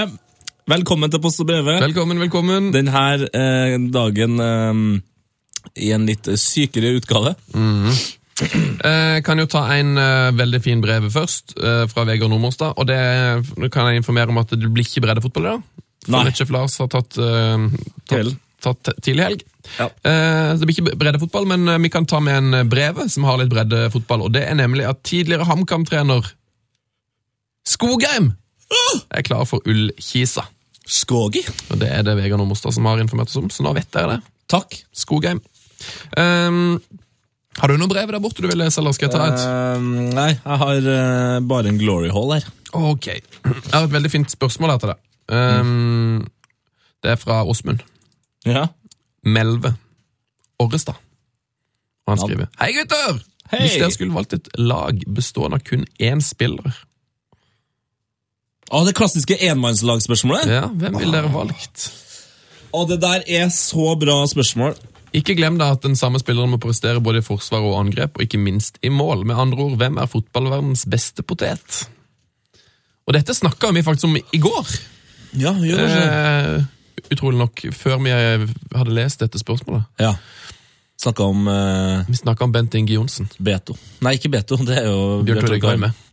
Men Bent Inge Johnsen han var, han var god som spiss. Midtstopper, back, Mm. indreløper, Kanskje ikke, ikke så god som wing. Jeg har vanskelig for å se for meg Beto Nei, så jeg Beto igjen. Mm. Helvete, altså. Sykdommen som tar meg. Det er sykdommen som tar meg, folkens. Beklager. Eh, jo, nei, Bent Inge eh, Jo, men i norsk eh, målestokk så er jeg nok eh, en av de beste enmannslagene. Mm. Eh, men jeg, jeg, jeg, altså, jeg har en fyr. Jeg er helt, jeg er helt sikker på at det er han som eh, vil være det beste. Mm. men eh, vi kan jo Hvem har du? Um, Spar det. Oh, er det, er mange, det er mange her. Jeg tenker um, sånn som Nemanja Matic. Høy, god keeper, uredd, Mm. løpskraft. Elendig foran mål. Medium målfarlig. Medium målfarlig. Elendig foran mål. Eh, Markus Henriksen. Mm. Ja, nei, det er god. Jævlig arbeidsom. Ekstrem målteft. Ja. Bare ryddig fyr som bare tar og gjør jobben, liksom. Cale har vært eh, så god. eh, Altså, han, han har jo eh, ryddig målteft. Tim Cale eller Gary? Eh, Gary. Tim Cale, tenkte han. Oh, Han Tim har sikkert vært keeper når han var kid. Ja, ja, ja. Nei, vi, eh, mitt svar på, den eh, på det her spørsmålet, det er så enkelt. Det, og det skal sies da at det ikke, no, altså, det er ikke formen hans nå. Eh, sånn er det bare.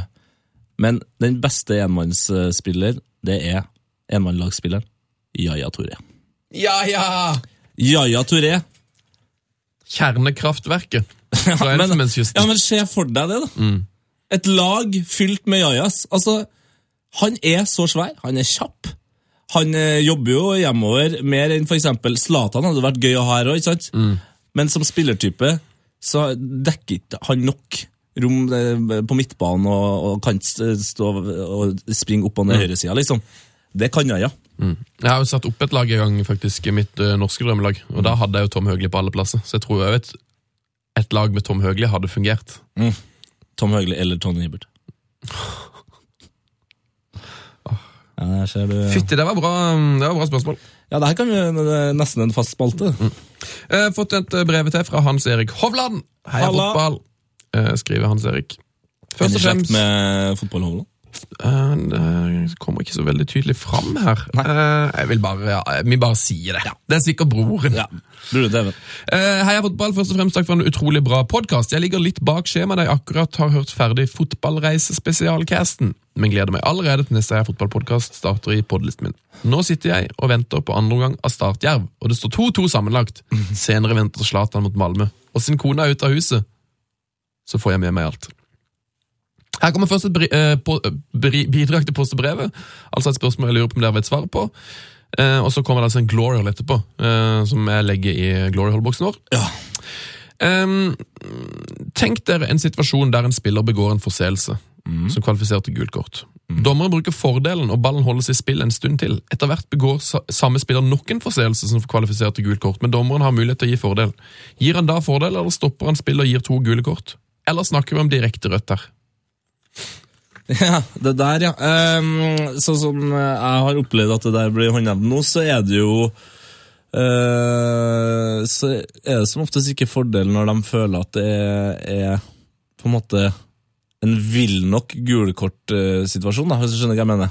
De gir jo gult kort etter fordel, det skjer jo ofte, men hvis taklinga liksom er så vill at Hvis du skal ut, ja. ja, hvis du skal ut Da tror jeg han bare blåser, ja. ja. Det, ja, det, det er et vanskelig spørsmål. Men var det ikke en situasjon med det her i Det var en helt rå kamp i fjor, eller i, kanskje til og med var i år, hvor det var en fyr som fikk to gule og, og fikk rødt. Det var fantastisk dømming. ja, Hvem var det der? Det var en eller annen skikkelig løkskalle som bare dro på seg et gult kort, og så dømte dommeren fordel, spilte det videre. Så fikk han et gult til bare 25 sekunder etterpå. Så når liksom ballen var ute og spill, så bare dommeren sånn Gult for den første, gult for den andre, stikk. Rødt kort. Ja, det det. ha det til helvete ut fra stua mi. Veldig, veldig bra. Eh, så jeg tror svaret på det er at eh, han, eh, han kan rett og slett gi fordel, og gi fordel, og gi fordel, og så kan han til slutt bare ta opp og gi deg tre gule og sende deg banen. Ja, Det tror jeg han kan gjøre. det kan vi. Eh, vi begynner å gå tom for tid. Vi begynner å gå tom for tid. Jeg tror vi skal gå og ta oss en liten quiz. Det kan vi ja, da selvfølgelig gjøre. P3s Heia fotball. Heia fotball. Med Tete Lidbom og Sven Biskår Sunde. Oh, yes. Eh, jeg, kan, eh, jeg må bare beklage til alle fans av eh, Where Are You Now-spalten ut der nå. Altså, Jeg kan ikke ringe Så oppkastsyk som jeg føler meg nå, kan jeg ikke ta telefonen til utlandet. Jeg beklager, jeg skal komme sterkere tilbake neste uke. Og shit, det rakk vi ikke. Ja. Shit. Det var mye.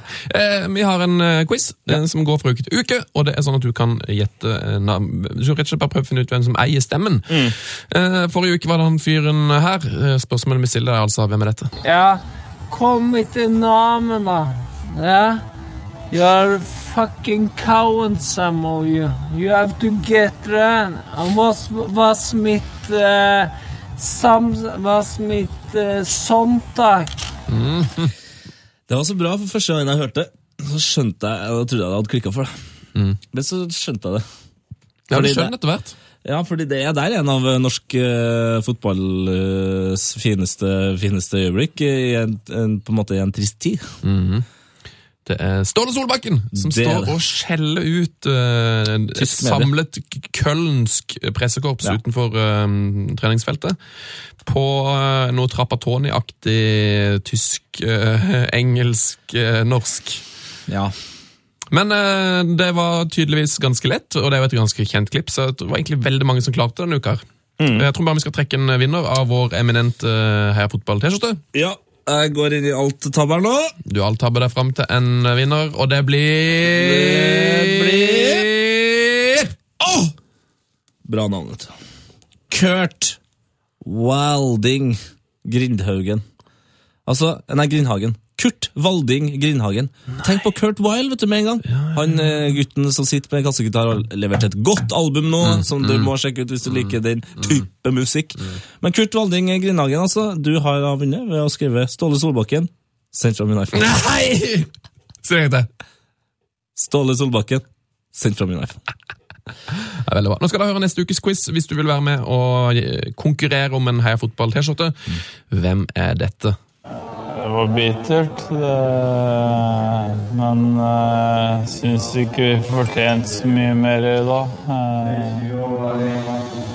hadde selvfølgelig et håp om å, om å få ett poeng, eh, kanskje tre der, men mm. Det er vanskelig, det er vanskelig, ser jeg nå. Det er vel... Jeg ser det på fjeset ditt. Det her,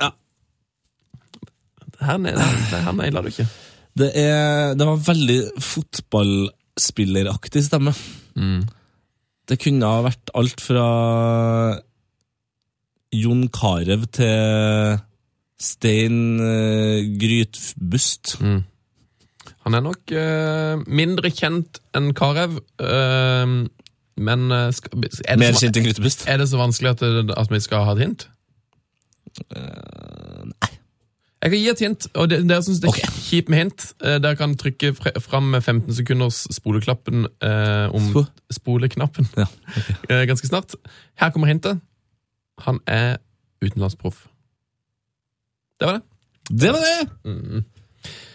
Da er det vel eh, bare på tide å si eh, velkommen til min favorittspalte i hele verden.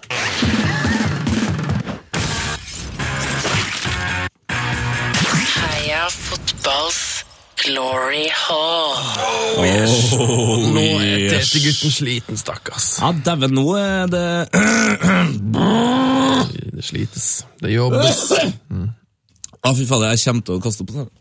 Eh, ja, nå Ikke snakk så mye oppkast for, de stakkars lytterne våre. Jeg tror det er ganske ubehagelig at du snakker om det hver gang Nei, men, sjansen. men folk må ikke eh, Folk må ha et eh, mer positivt syn på oppkast. Jeg har fått det de siste årene. Mm. Eh, det er ikke så ille som man skal ha det til, altså. Ja vel. Ja, men det, det er så det er en utrolig Snakk mindre om det! Utrolig Snakk. befriende følelse. Snakk Å mindre bare om det. få det ut. Ja, Heia uansett. Fotballs Glory Hall! Det er en uh, liten klubb der vi hyller våre favorittspillere i hele verden. Ja. Um, Arild Berg er der. Arild Berg. Arild. Arild. Arild. Berg. Moreno Torricelli. Ja, Torricelli. Roy Keane. Roy Keane Zidane. Zidane. Cafu. Gerrard.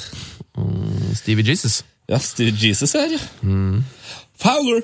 Robbie. Robbie Fowler. Og ikke minst Batistuta. Det er det. Nå er det på tide å sette en ny helt, og jeg regner med som vanlig at vi har fått inn eh, en eh, Glory Hall fra en av våre fantastiske lyttere. Ja, Vi har fått en eh, helt nydelig en her fra Kjetil Lien.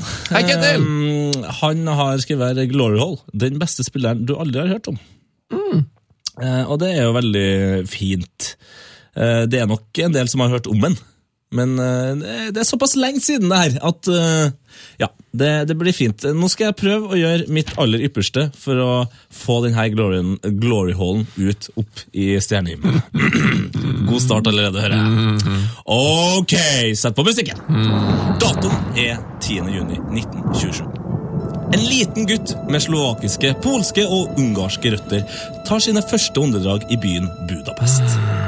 En gutt som 40 år senere setter lokk på kanskje den mest bemerke- bemerkelsesverdige fotballkarrieren i verden.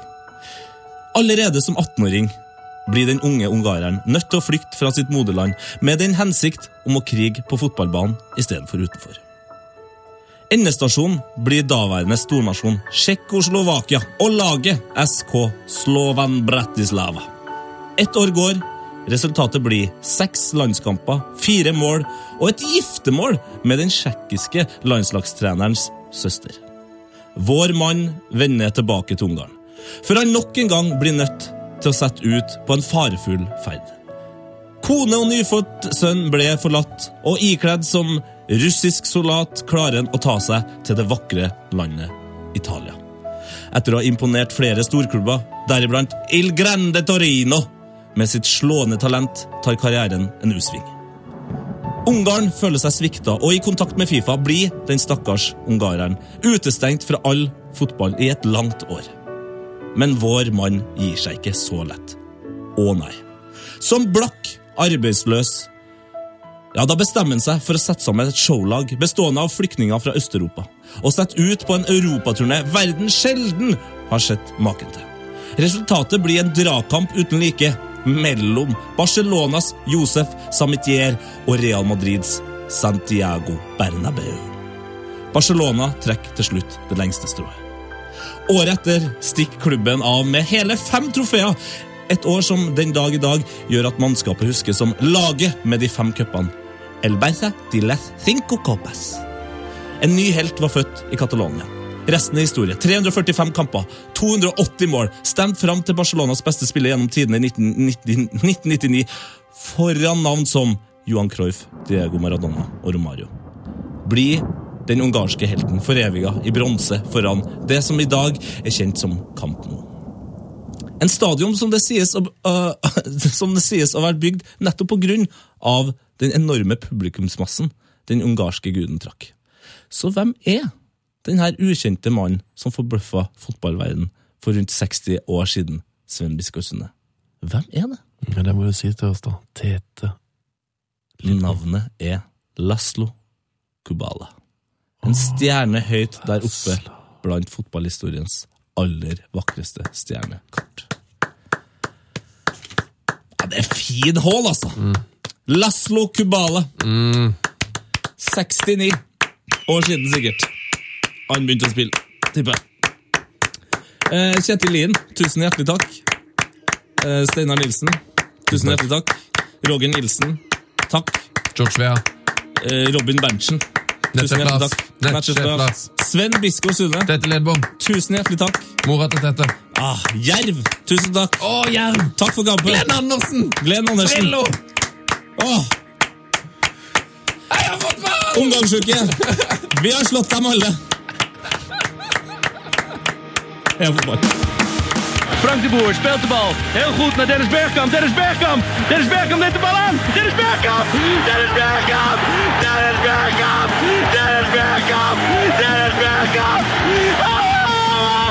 Frank de Boer speelt de bal aan Dennis Bergkamp. Die neemt de bal feilloos aan. En ik schiet de bal erin. We spelen nog officieel 20 seconden. Dennis Bergkamp. P3s Heia fotball. Episode hver fredag. Last ned din nye favorittpodkast på p3.no podkast. P3.